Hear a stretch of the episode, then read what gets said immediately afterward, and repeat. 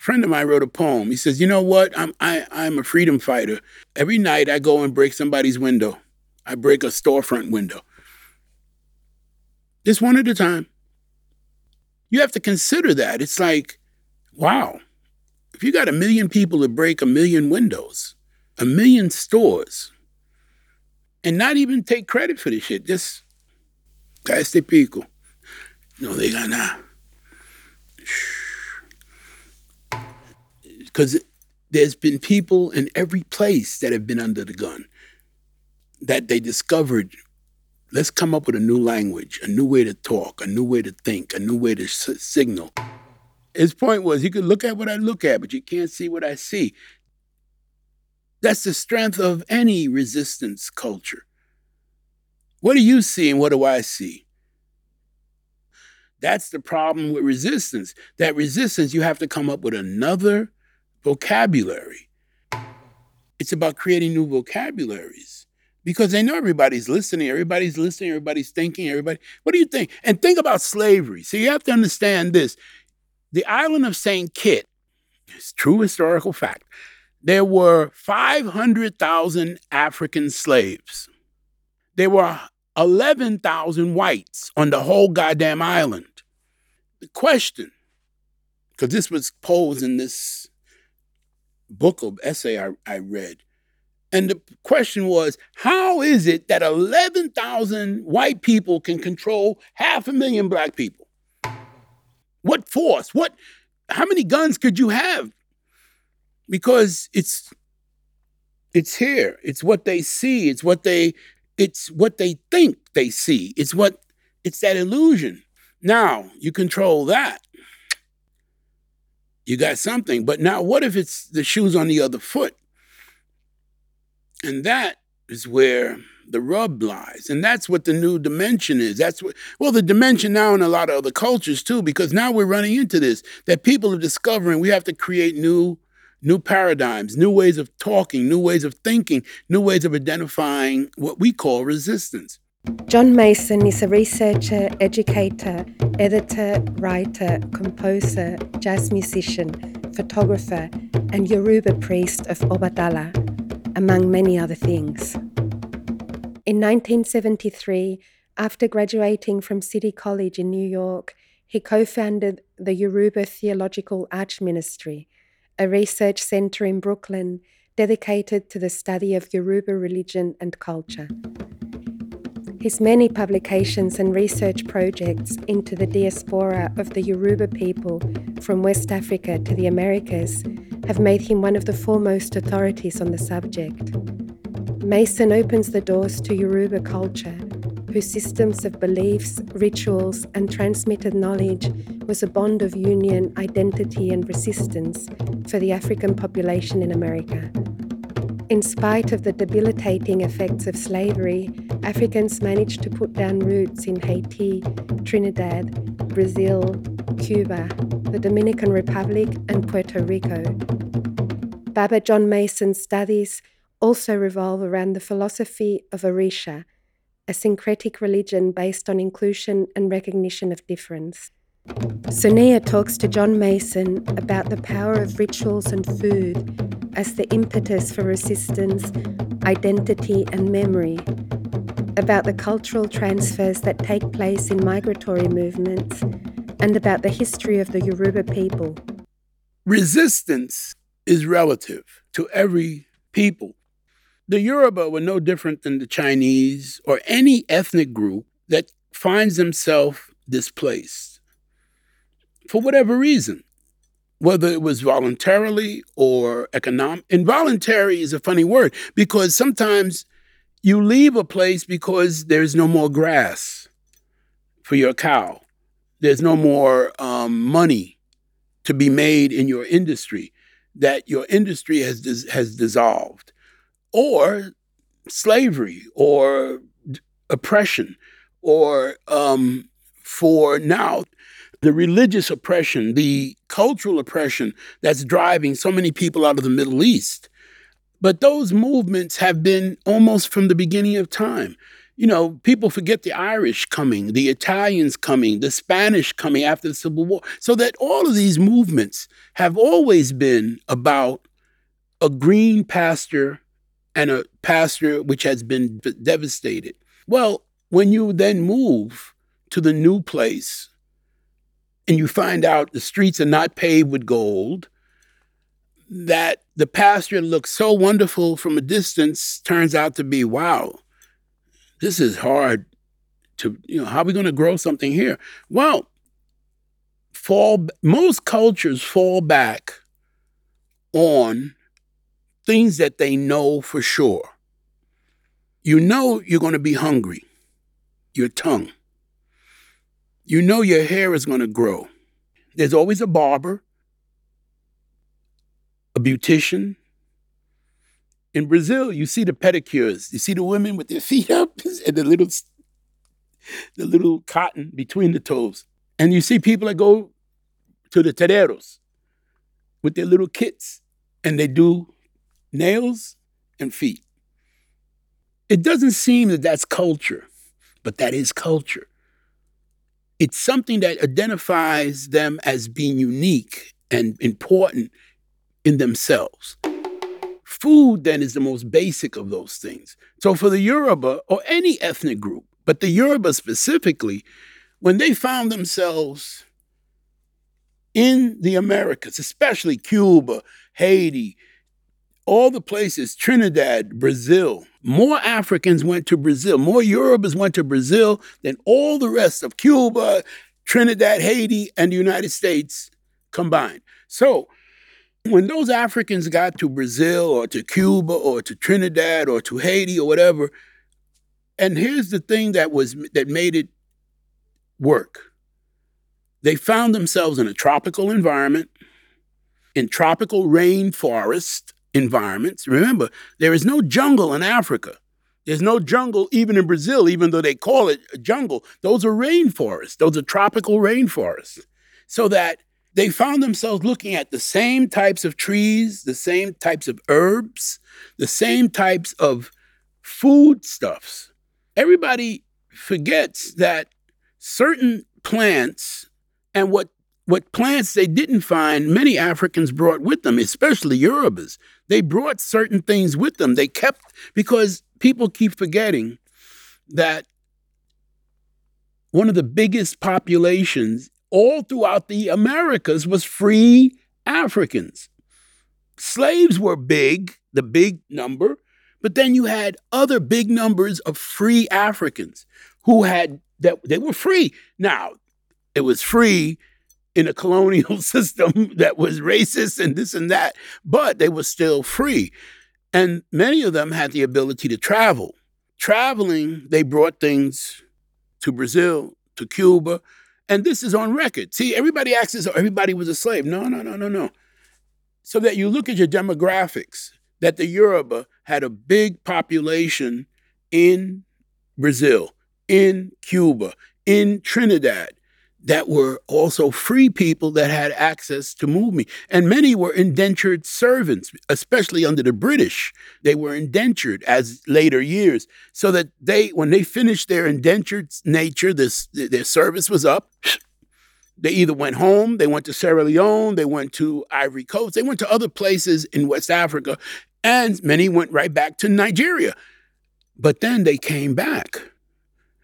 Many of them had wives in Jamaica and other places, they had groups that had correspondence.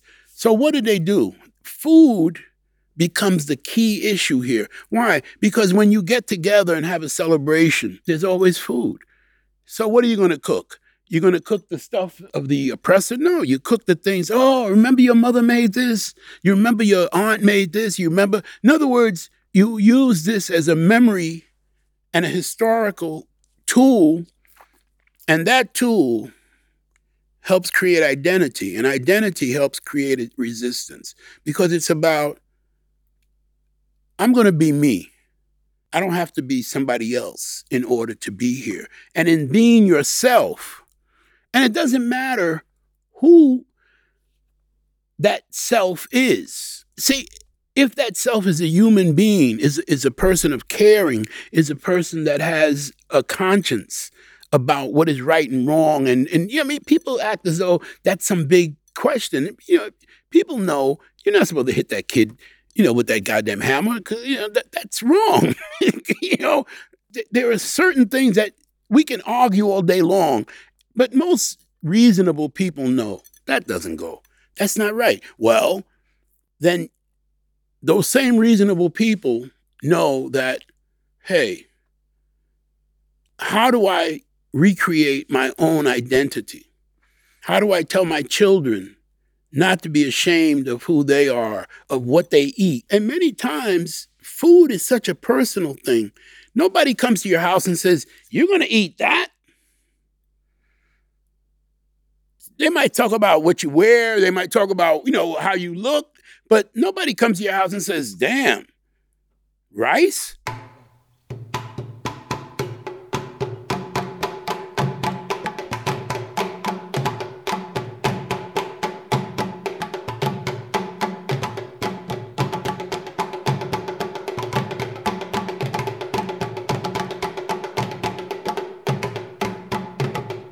All of that taste, all of us use taste as a way of identifying ourselves. That you think, my mother used to make this. Those things bring back memories. That's the kind of tradition that every culture has, every people, that they go from place to place and they have those kind of me- good memories of their friends, their mothers. But it also reinforces their sense of self, who they are, what their worth is, what their children's worth is. It's a tool if used properly.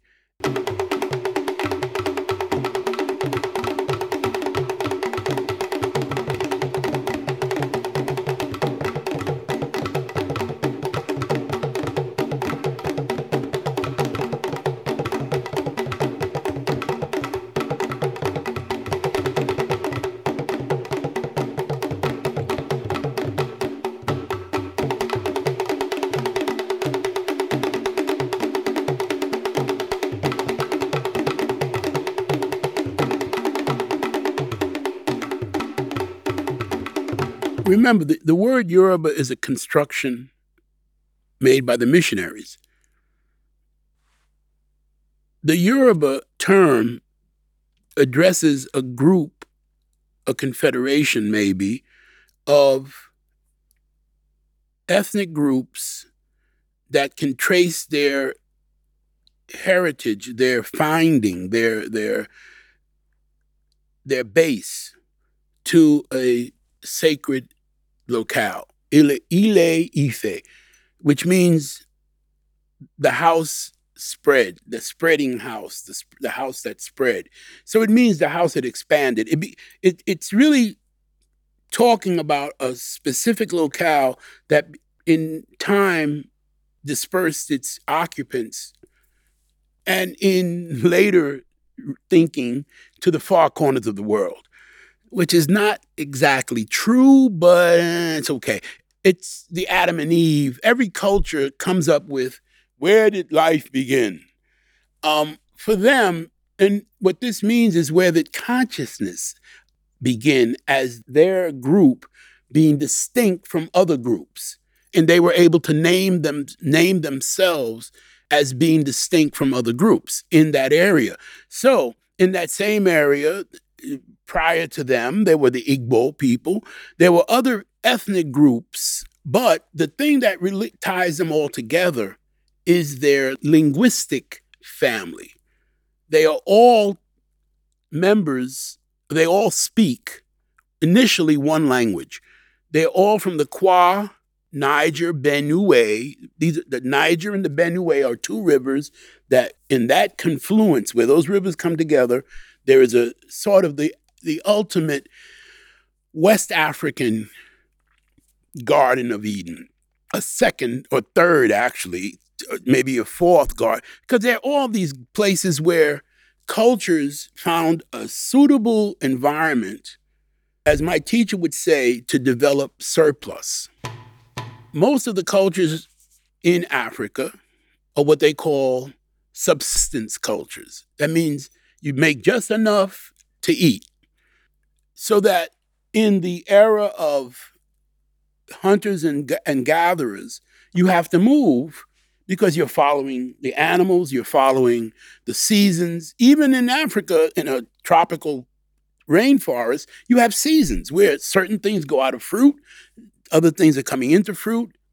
And as we know, man, Homo sapiens sapien, developed in Southwest Africa.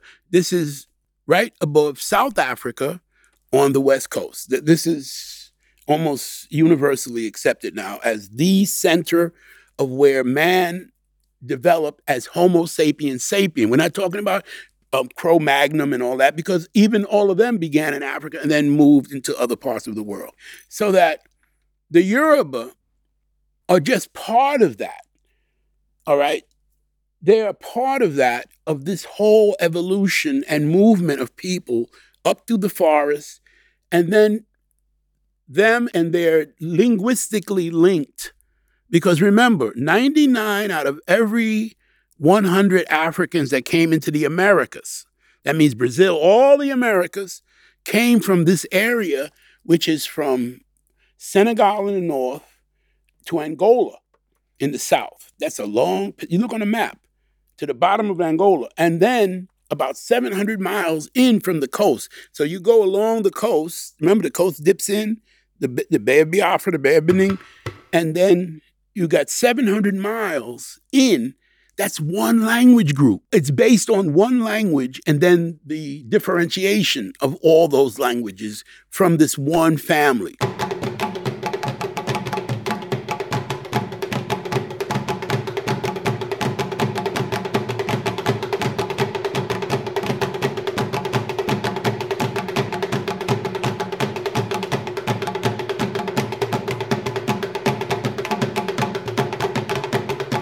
Well, the Yoruba, the Oyo, who that's the official name, as my teacher would say, what made them so wonderful was their ability to create surplus. Long before that, they had found the ability to create rudimentary agriculture. As people learned to keep those crops in one place, they didn't have to go looking for them. So that these plants, as they learn to say, wait a minute, I'm going to make it grow here. I'm going to take it and plant it here so I can control it. I don't have to be running around looking for the damn thing. I got the thing here. Well, rudimentary agriculture and it becomes it goes from wander gatherers hunter gatherers you still have hunting but hunting doesn't become the main source. It, it, starts to become share. The gathering is no longer so much of a problem, so that it also helps to differentiate the role of women and men too. So that men, not all, because there are hunting women, men, they were the foremost hunters because women had children. And that nurturing thing. Okay, wait a minute. You sit here and you stay with the old people. So the old people, the women with children, they could create a, a, a stable, sedentary reality.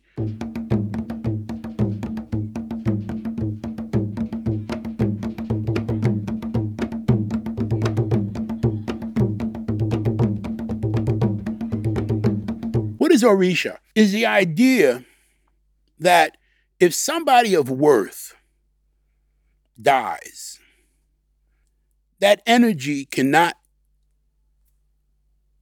law of physics, energy can neither be created nor destroyed. That's a physical law. Don't believe me? Check with your local physicist. So, what does that mean? You, you, me have been here forever.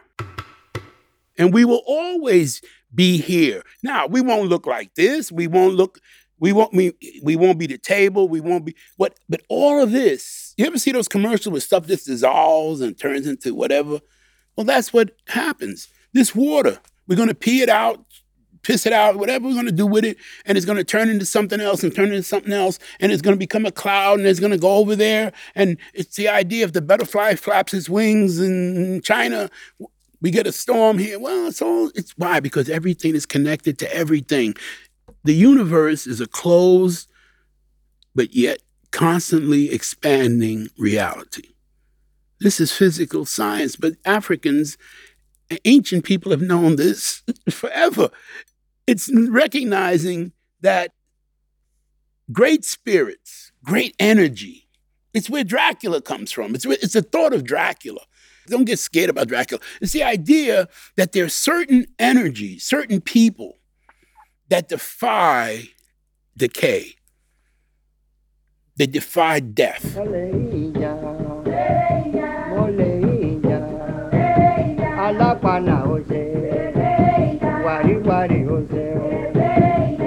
pàdé ìjà. Mo lè ìjà. Wàríwàrí ó ṣe ó pàdé ìjà. Alápànà ó ṣe ó pàdé ìjà. Mo lè ìjà. Wàríwàrí ó ṣe. Ó pàdé ìjà ọmọlẹ́yìnjà. ẹ̀yà ọmọlẹ́yìnjà lẹ́yìnjà. alápàna ó ṣe. ẹ̀yà wàríwàrí ó ṣe o. ẹ̀yà ó pàdé ìjà. ẹ̀yà o. ẹ̀yà mọlẹ́yìnjà. ẹ̀yà ọmọlẹ́yìnjà lẹ́yìnjà. mọlẹ́yìnjà.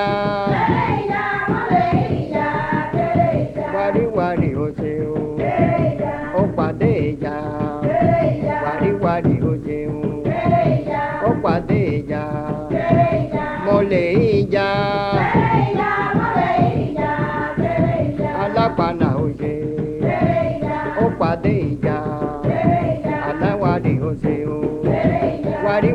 Wàríwàrí ó mo lè ìjà. mo lè ìjà. When my mother died, I thought then, this is true, that's when I truly believed in, quote, a heaven. You know why? Because I could not believe that all of that goodness would completely disappear. Because that's if that's the case, then God is a screw up. Every culture has this idea, whether it's the Christians, whether it's it's the eternal, the the infinite body of Christ, and and that we're all part of that. I mean, it's all the same crap. I don't care. But it's politics at that level because now it's like, hey, join our club. See, that's the only good thing about the Yoruba. We don't proselytize. I don't care if none of you become Yorubas. I'm serious about that. Why? Because I don't need you to be to be me. So that this issue of the Im, the immortal soul, the immortal presence, and that those great spirits can be invoked to come and do work is what Orisha is. It says Orisha, the ones that are buried and then selected after careful consideration and selected there's no objective word that says oh selected for this select it's but selected implies that you've been selected to do work. It's left almost open-ended actually the word orisha. It doesn't finish the sentence. It's an open-ended sentence. It says the the ones those buried who have been selected after careful thought in other words the idea is we just didn't pick Shango to be Shango something unique in his actual incarnation. But then, how many people are like so that a Malcolm could be a Shango, a, a, a Che could be a Shango, Castro? Is, I mean, I'm trying to name people that Obama could be could easily be an Obatala. Nobody, I didn't check, but the point is, why? Because those spirits, the nature of the spirit, the nature of the person, every person has a place in the Yoruba Orisha world. If you are crippled, there's an Orisha that's for cripples. If you are healthy and strong, there's an Orisha for the healthy. If you're old and aged, there's an Orisha for the old and aged. There is no exclusivity. There is, as a friend of mine pointed out, another priest, another elder priest, and a respected friend and elder and diviner. He said to me, he says, the thing about our culture, which makes it so unique, is that there is no excommunication. You can't be excommunicated from being an Orisha follower. Why? Because everybody has a seat. So there is no excommunication, there's no exclusion because you're homosexual, because you're transgender, because you're this, because you're that. It's like, and strangely enough, that inherent strength has been cause of people of the gay communities years ago, before the it became the LBJ and all this other kind of com- community, that those members looked for history tales that related to their reality. In Cuba, they call it evento. Eh, un evento, Juan. Un evento. In other words, somebody invented that shit in order to include themselves because they say, well, if we don't have, we can't find a story, we're going to make up a story. And they make up a story. And that story helps to include them in this inclusive spectrum of reality. Well, wait a minute. Well, then where's our story? Because we're real, we're here. Well, guess what? That's what Orisha is. Orisha is more than an extension of that thinking that we're looking at, okay, what energy are we going to select to use as our totems, as our reference point in terms of creating philosophy, in terms of social action, in terms of resistance, even?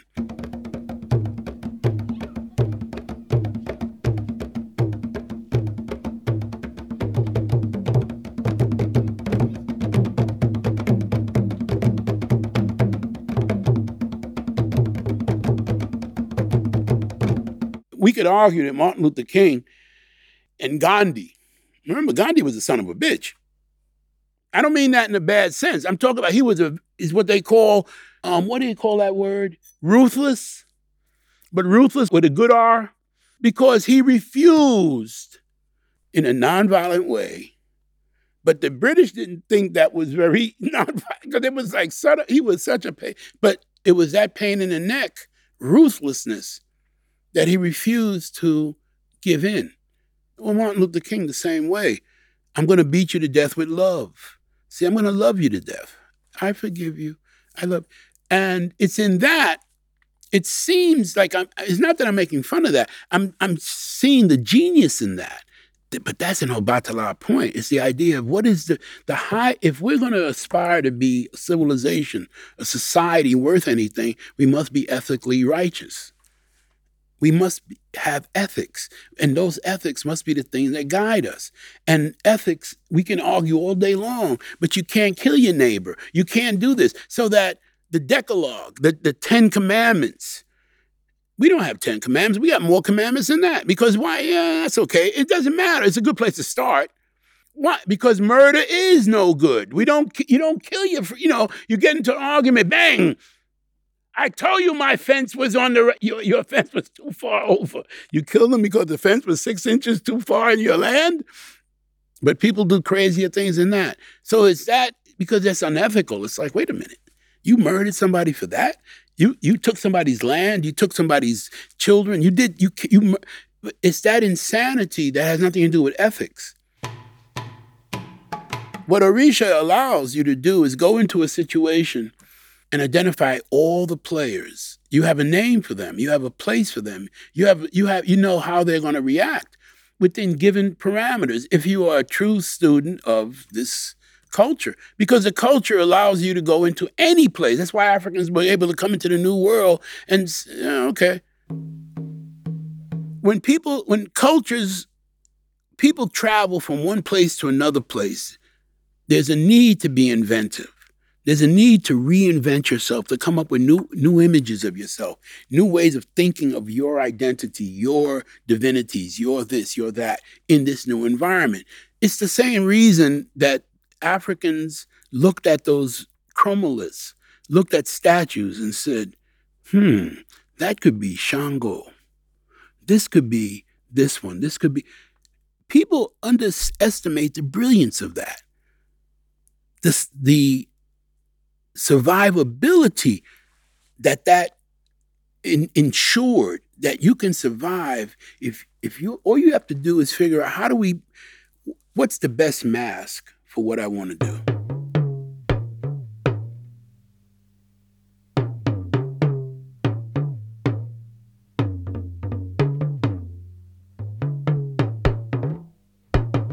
If you make a movie about her horror,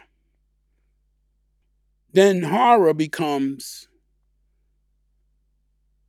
every day. It becomes entertainment. And no matter how you play it and how serious it is, it be, it's still entertainment. And the, the filmmakers will tell you, well, you know, I have we, our job is to entertain. We have still we have to tell a story, but the story has to be entertaining, has to be engaging so that it's in their own definition that they undercut the real brutality of the shit, the real, it can't be too real, real, real, because then you have to turn your eyes from the shit. See, you don't want everybody in the, in the movie turning their eyes. So it's that construct and who controls it. But Africans have been, and not just Africans, but I, we, since we're talking about Yorubas and Africans and slaves, they've been working with this for millennia. And the problem is the tales of, of, of rebellion and can never really be told because it would it would really even in the time when they were doing it they kept that under it was like deep lock. Why? Because you scared the hell out of the whole society. If you know that there are people, there was one one story and this this this Yoruba I think it was a Yoruba slave, a Yoruba a fallen slave, and they burned these two guys alive. They had you know these big crowds and they watching them, and they didn't peep. They didn't make a peep. They didn't make a peep and burned to death. And the story was, it so unnerved. It unnerved the whole crowd because everybody said, "Whoa." They didn't even scream out.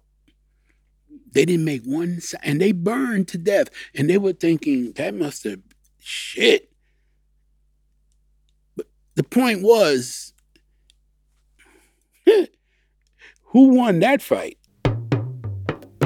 You ever see the movie um, Apocalypse Now with Brando when they did the vaccinations in the town? And they came back the next day. The Viet Cong had come and cut off all the, the arms of the little children. Every arm that had been vaccinated, they hacked off. And he used the word hacked, which was even more. He didn't say cut off, sliced off. He said hacked off. Even the language was meant to, oh, make it so much more horrid. He said, but there was a pile of little arms in the middle of this town square. But Brando's, uh, the, the script said these weren't monsters. These were fathers and uncles. These were sons and nephews. But they discovered they had to be monsters in order to win. They had to become monsters because they had no other chance. They hadn't see, we had planes and napalm and all this other stuff. So what did they have? Monsterhood. They had to come up with another technology. And it won. That's the point that people keep forgetting. See, we didn't win in Vietnam. We didn't win in Laos. We didn't win in all those places. We lost. We ran up against a superior technology, a technology of monsterhood.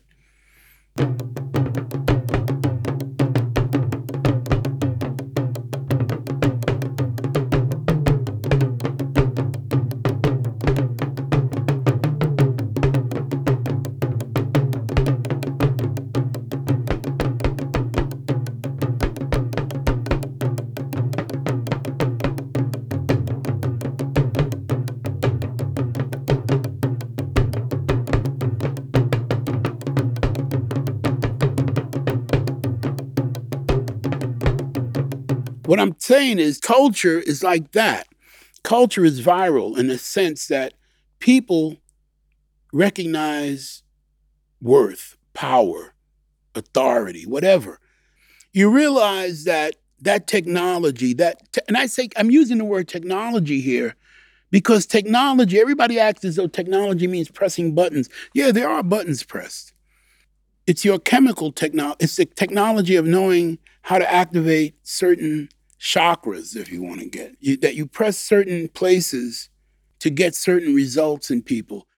Huevo, mire, huevo, tutu, peregún, y a okuma, huevo, tutu, huevo, mire, huevo, tutu, peregún, y a okuma, huevo, tutu.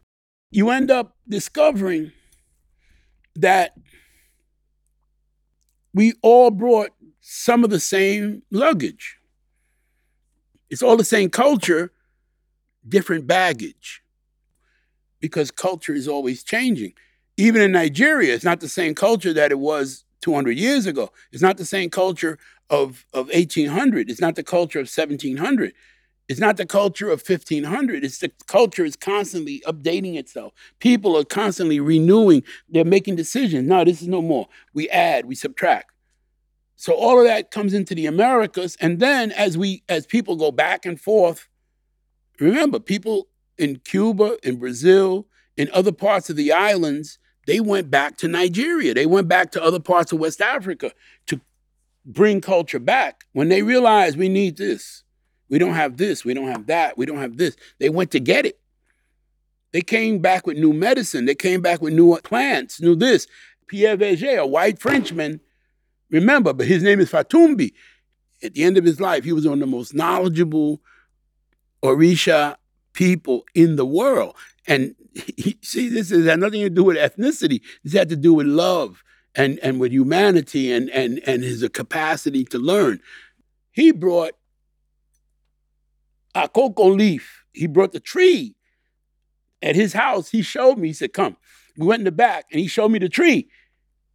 But then he replanted other trees in in Bahia. He brought certain trees from Nigeria to plant in Bahia, and certain things. You go to any shrine, you could be with, you could be in West Africa, and you say, "Coño, look at this peregun." Peregun es huevo, mire, peregun es huevo, tutu. Peregun es huevo, mire, peregun es huevo, tutu, okuma, peregun es huevo, tutu. That same peregun, Dracaena fragrans, you see it in Nigeria, you see it in Trinidad, you see it in Cuba, you see it in Brazil. So that that plant can grow in all these places and where it was brought or where it was naturally, people said, "Oh, wait a minute. There goes there goes a, a peregun. Bring it. Put it over here." So all of this helps transplant and bring culture. So that because it helps memory every culture is trying to reconstruct the best of itself or whatever they consider the best. And in that, it's for us who are younger, not there, historians, whatever our role is, to try and, and look at that, understand it, reconstruct it, um, talk about it, chronicle it, write about it. And that's basically, hopefully, what this conversation will help to um, foster.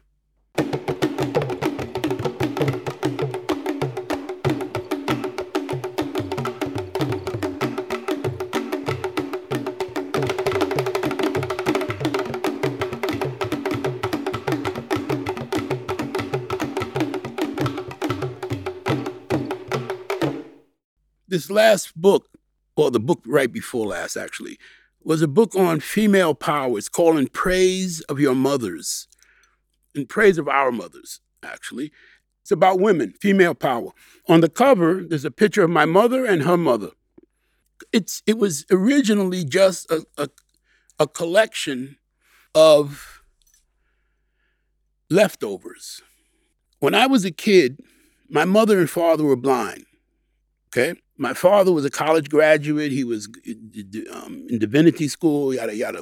So he was very came from a very educated. My grandfather was a lawyer, yada yada. So these were very affluent black people in the South, and yada. And then he went blind. and then my mother's family, um, they were very, you know, uh, Cuban, smart, and industrious, and all kind of other stuff. So um, the, those two things went together, but they were both blind. They were married blind, so that I had to.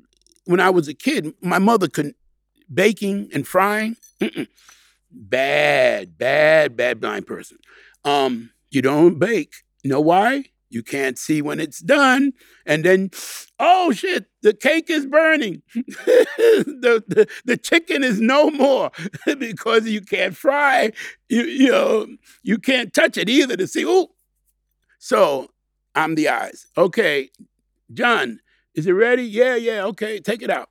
So I learned to cook that way. I learned how to, I would do the Easter and the Christmas dinners and stuff because you have to bake stuff and um, and making cakes. But the thing with the cakes was my mother would make these, they used to make these big pans, one big cake like that. But in a round or square pan, it would be, and then they would make, so, but they would always have a little batter left over. And I would take the batter and make little cakes. So my father, my brother, me, whatever, we all get cakes, little cakes. There's something for us to eat. I, I equate when I'm writing to those little cakes. This material that's left over, whatever book, whatever essay, whatever, is a little cake. It's not enough to make a big cake, but it's enough to make a little cake. That's the analogy I've used for years and years. And this thing on female power was about issues about women that are little known. And I've written all these books.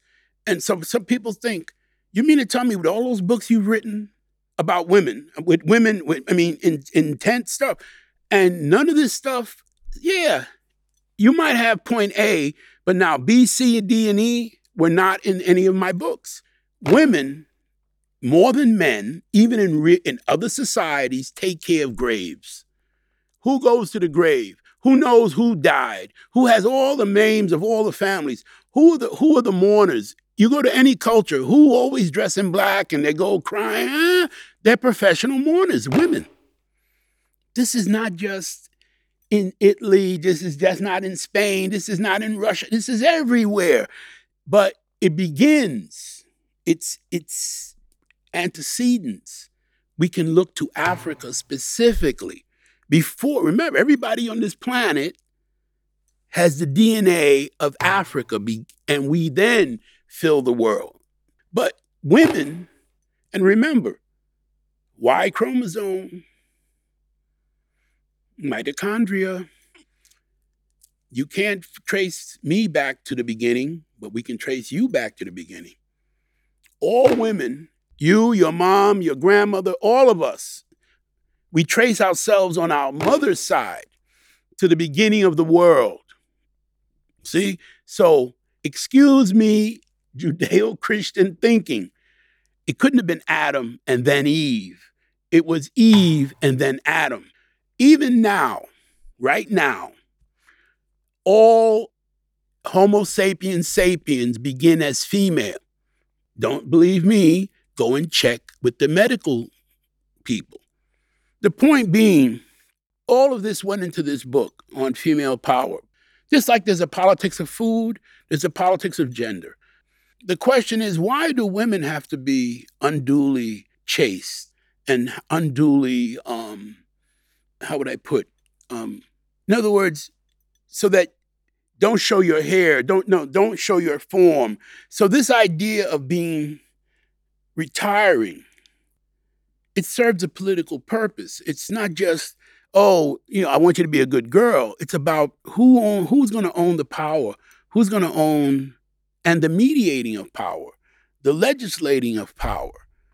So that the question becomes in my work remember, I'm a priest, beside other things, so that there's a theological imperative that says something's wrong with that model. And it's not me t- saying this now, today. It's me knowing that this model was wrong then but women knew it and women rebelled against that. And that is not in many books. So you don't get this idea that women said, hell no. This is not modern politicizing of female power. This is not women all of a sudden discovering, oh, we have rights. Women have always known this and have exercised their prerogatives over centuries upon centuries. It's just that it's badly reported.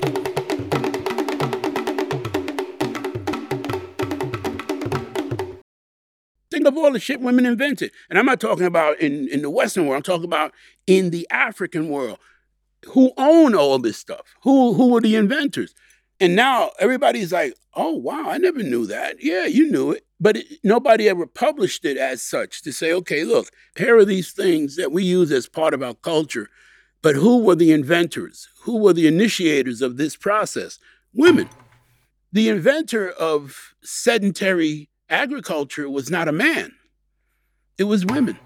Women decided, and the same reasons I gave you. We got the kids with taking, with keeping, taking care of all the old people and taking care of their sisters and their mothers because sons can't be depended upon to take care of their mothers.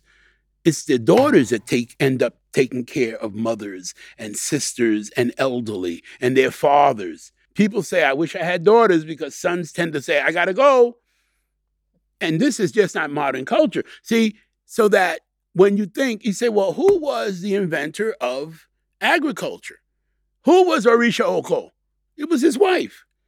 But the credit was given to the husband, the sick husband that she stood by, and in doing so, in helped to start this sedentary agricultural move because it was about her starting a little what they call you know, rock garden. In other words, she set up a little garden, said, okay, I'm going to stay with you, dear, while through your illness until you get better. And when he got better, he turned into a real son of a gun. He started persecuting women. Isn't that interesting? But that's another story. That's in the book. When you think of infant mortality, who is more affected than, beside the baby, than the mother? So women have to be pro natal care, prenatal care, all pediatric care that that we develop, that's pro female. That's pro that's pro everybody. But if women aren't the chief advocates of that, men tend to and it's not culpritness, it's the reality of being separated from the process. So that when you think of your children, I wasn't at any of their births. Okay? Got to the hospital. Bye. Okay, sir, you stand over here. And I'm like, okay. My wife got excellent care, but the fact is, you're separated from the process. So that no matter how well intentioned you can be, you're separated. And then it becomes a, a political issue. All right? My teacher used to say, You show me two roaches on a wall, I show you the makings of a political situation. Because there's there's this point of who's first, who's second, who's going to be good, who's going to be bad. All of these proposals come into play the minute you say there are two things. All right? This situation right now is a situation of opposition. Of course, this table is a table of negotiating. It's a negotiated space. John, you're going to sit here. You're going to sit there. You have an assistant, you know, a, a collaborator, co- co- collaborator. Geez, I could talk with if, if the teeth would move. Um, but it's that reality that creates politics.